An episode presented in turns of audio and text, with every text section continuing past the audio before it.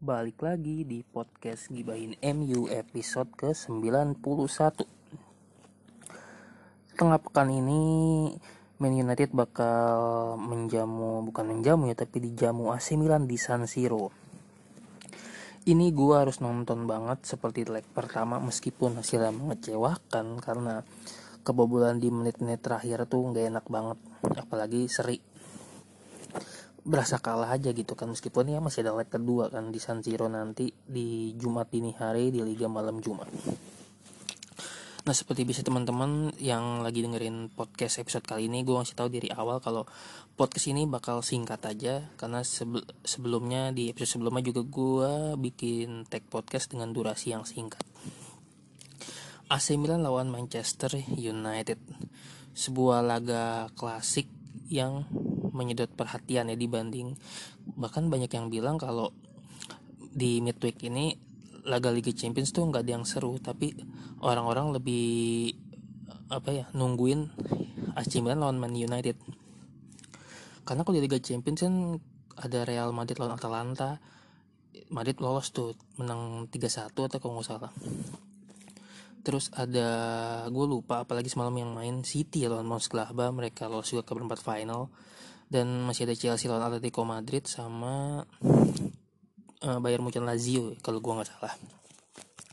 Tapi yang paling banyak ditunggu orang adalah duel klasik AC Milan Man United di San Siro. Bakal dipentaskan di waktu Indonesia Barat di Jumat dini hari jam 3.05 live di SCTV dan video.com Nah, Milan lawan MU ini kita sedikit flashback boleh kali ya. Terakhir kali main di San Siro kan itu di UCL 2010 ya. Di babak 16 besar saat itu United menang 2-3 di San Siro. Tapi eh, saat itu Milan jadi tuan rumah terlebih dahulu di leg pertama. Dan United menjadi tuan rumah di leg kedua. Saat itu menang agregat 7-2 ya kalau gue nggak salah ya benar 7-2 karena MU menang 3-2 di San Siro dan menang 4-0 di Old Trafford lolos dan kalau kita boleh bikin apa secara rekor head to head kayak gitu ya. MU tuh dalam tiga dalam berapa ya? Tiga pertemuan terakhir dengan AC Milan dalam uh, konteks dua leg ya. Itu MU tidak pernah lolos saat menjamu Milan terlebih dahulu leg pertama. Ya kita sedikit mundur jauh lagi ke 2006-2007 di semifinal UCL kan MU udah menang 3-2 di Old Trafford kenyataannya di Milan kalah 3-0 pas main di San Siro kakak gila-gilanya itu. Terus mundur lagi ke 2004-2005 di 16 besar. MU kalah 0-1 di dari AC Milan di Old Trafford dan kalah 1-0 juga di San Siro. Saat itu si Hernan Crespo back to back tuh bikin gol. Jadi kalau lihat dari rekor pertemuan itu dan ya balik lagi nih ke yang 2010 kan Milan jadi tuan rumah terlebih dahulu baru MU di leg kedua dan MU lolos saat itu. Jadi ya kalau ngikutin pertemuan kayak gitu yang lolos AC Milan ya ya itu kan secara ini aja lah. Cara ya apa sih bumbu-bumbu apa aura-aura yang yang mungkin banyak orang yang nggak percaya tapi di sepak bola itu kayak gitu biasanya bisa kejadian gitu semacam kayak deja vu lah. Nah kalau kita ingat di leg pertama di uh, minggu kemarin satu sama itu AC Milan benar-benar mainnya meskipun mereka apa ya banyak pemain mereka yang cedera banyak pemain mereka yang absen bahkan Zlatan Ibrahimovic absen Calhanoglu tuh absen ya tapi Milan ini benar-benar main luar biasa di Old Trafford kemarin kalau buat gue pribadi ya. Jarak antar lini mereka tuh rapat banget. Dan itu gimana ngeliatin bagaimana AC Milan sebenarnya bisa bikin dua gol duluan kan di 10 menit atau 15 menit awal yang dua-duanya dianulir wasit gitu. Itu sebenarnya menunjukkan Milan kalau mereka tuh mainnya flus banget gitu. Dan kalau apa di mereka yang dilanda badai cedera kan itu kenapa mereka senang banget ketika mereka bisa nahan imbang MU satu di Old Trafford. Apalagi golnya di menit terakhir ya kan serasa menang tuh. Karena mereka masih punya kesempatan di leg kedua di San Siro nanti jadi kalau kita bahas rekor MU di Italia eh, MU ini terakhir main di Italia pas lawan Sociedad kemarin ya di leg pertama. Babak 32 besar ya kan. Tapi itu itu kan jatuhnya main di Italia kan main di stadion Juventus. Meskipun yang tuan rumah Real Sociedad karena saat itu UEFA memindahkan venue pertandingan leg pertama. Kalau yang The Real bener-bener kapan main di Italia seingat gua 2018-2019 ya terakhir main di Italia lawan Juventus. Itu menang 1-2 kalau lo pada inget golnya free kicknya Juan Mata sama bunuh dirinya siapa main Juve gue lupa. Itu udah ketinggalan 1-0 duluan dari golnya Ronaldo di babak kedua awal babak kedua Ronaldo bikin gol di menit 50-an lah. 1-0 terus MU akhirnya comeback menang 2-1 tapi itu mm, match day group ya kalau nggak salah. Ya grup D lah kalau nggak salah. Kan MU kalah 1-0 dulu di Old Trafford tuh. Ya kalau gue ngeliat secara permainan ya kita balik lagi ke lapangan gitu. Kan lo lihat deh kalau Milan ini bakal main ultra defensif eh ultra ya kan defensif gitu. Mereka kayaknya juga bakal kayaknya mereka bakal main lebih apa ya lebih aman mungkin mereka karena 0-0 mereka bakal lolos gitu. Dan ini tugasnya Man United. Harus bikin gol cepat. Itu menjadi tugas ya. Kalau di 20 menit awal nggak bisa bikin gol cepat ya nggak tahu deh bagaimana ke depannya pertandingan itu. Karena ketika agregat satu sama gini dan lo menjadi tim tamu ya lo harus gue bikin gol cepat. Karena ketika lo bisa bikin gol cepat otomatis si lawan lo ini si AC Milan gue yakin bakal keluar nyerang karena mereka hitungan agregat mereka tertinggal satu dua gitu jadi ini kuncinya harus bikin gol cepat dan kabar baiknya dari squad Man United yang gue lihat di dini hari tadi si akun official United itu ngepost fotonya Edinson Cavani, Paul Pogba, Donny van de Beek yang sudah bisa berlatih. Jadi harapan gue tentu harapan kalian semua juga ya pasti mudah-mudahan mereka bisa bermain di leg kedua terutama Paul Pogba sama Cavani. Karena kita butuh pemain-pemain yang punya mental juara lah. Bisa dibilang Cavani ya udah nggak diragukan lagi ya bersama PSG dia beberapa kali dapat gelar Ligue 1 beberapa kali dapat Coupe de France. Sementara Paul Pogba ya mental juaranya memang udah terbukti lah khususnya kalau di di Juve ya di timnas Prancis pun dia ikut pas Piala Dunia 2018 dia menjadi salah satu pemain kunci saat Prancis jadi juara. Lalu di Juventus ya bisa dibilang si Pogba ini udah kenal banget sama AC Milan ya karena dia main cukup lama kan di Juve sekitar 4 atau 5 musim gitulah. Jadi apa kabar baik ini patut diapresiasi patut setidaknya membuat kita agak lega ya untuk menonton pertandingan itu. Karena ya kalau Fernandes sih Fernandes ini kan kalau lo lihat dalam beberapa laga terakhir penampilannya menurun ya bisa dibilang kadang bahkan kadang nggak kelihatan kadang.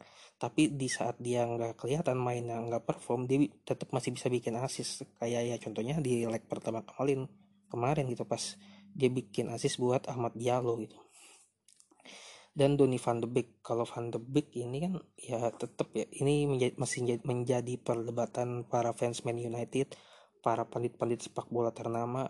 Kalau sebenarnya di mana sih posisi terbaik Van de Beek di Man United? Apa ya harus ditaruh bersama barang Bruno atau Bruno yang harus di bangku cadangkan baru Van de Beek bisa main? Karena kan sistemnya Ajax sama MU itu beda gitu. Kalau di Ajax si Van de Beek ini lebih sering nunggu bola lebih sering dapat bola dari rekan-rekannya. Dia punya temannya si Dusan Tatik siapa-siapa lagi lah itu.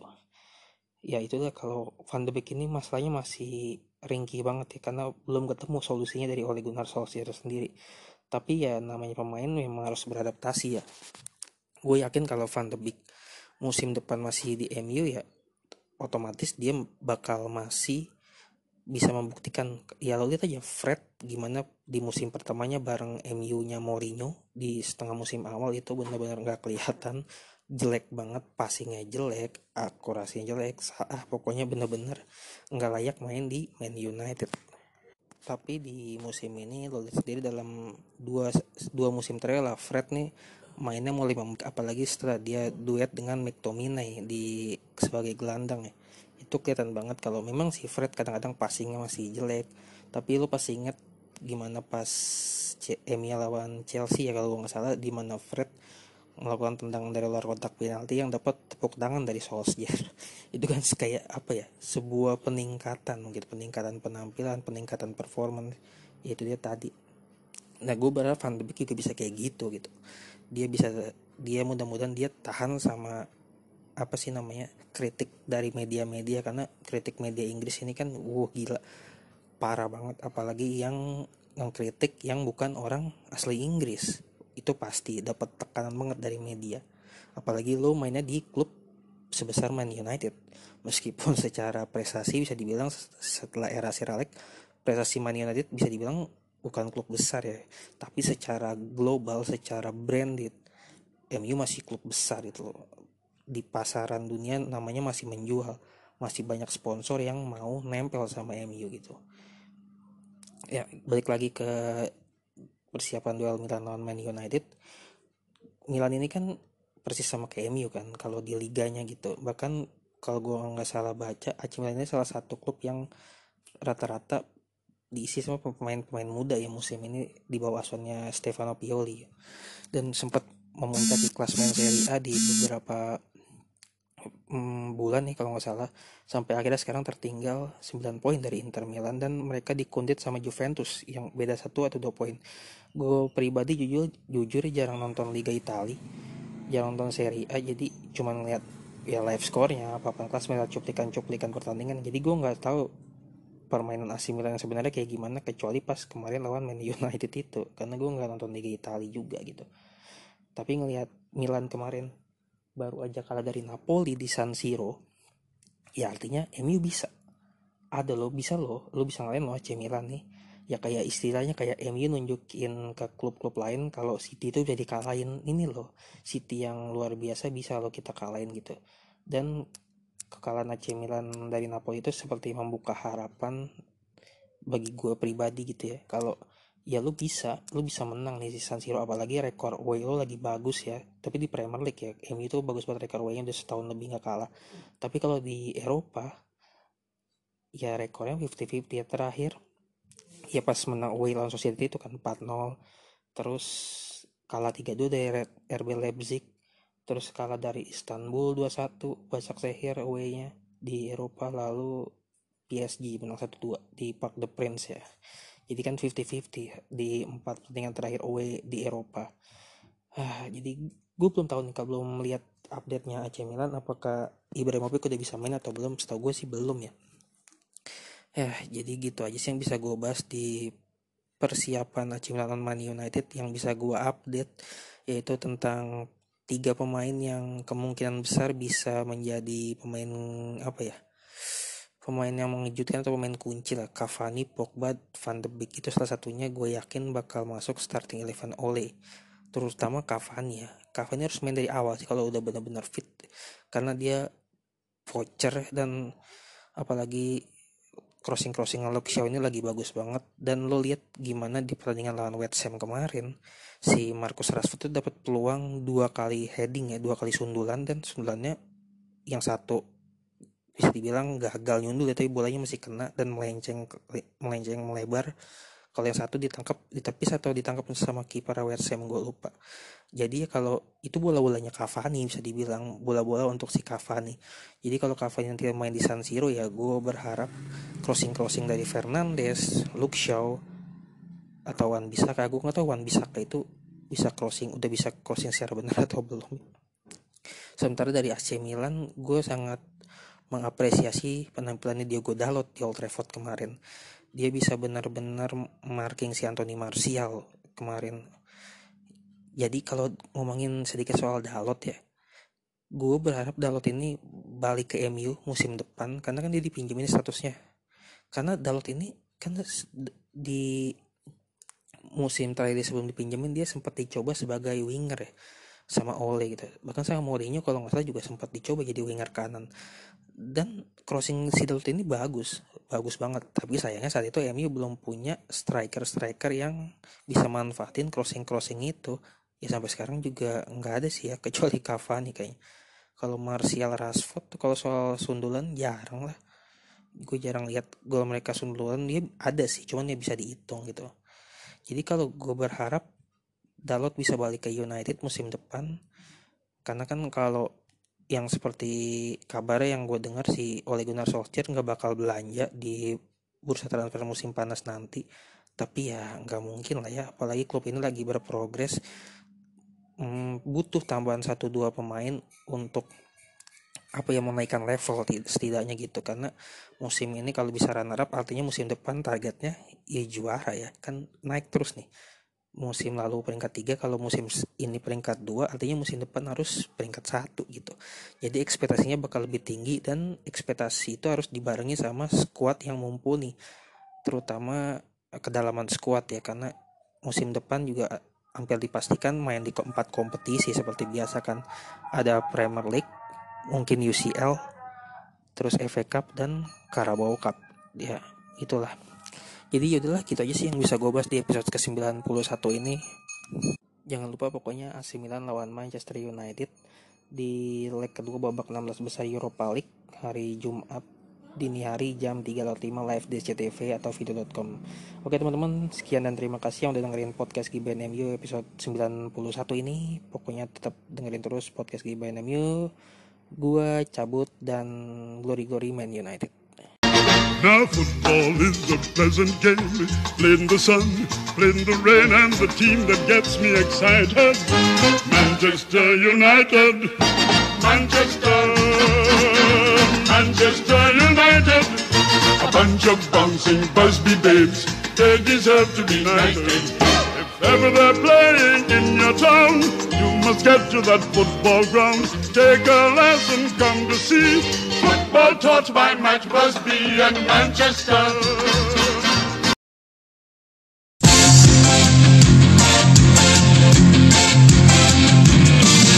Setiap saat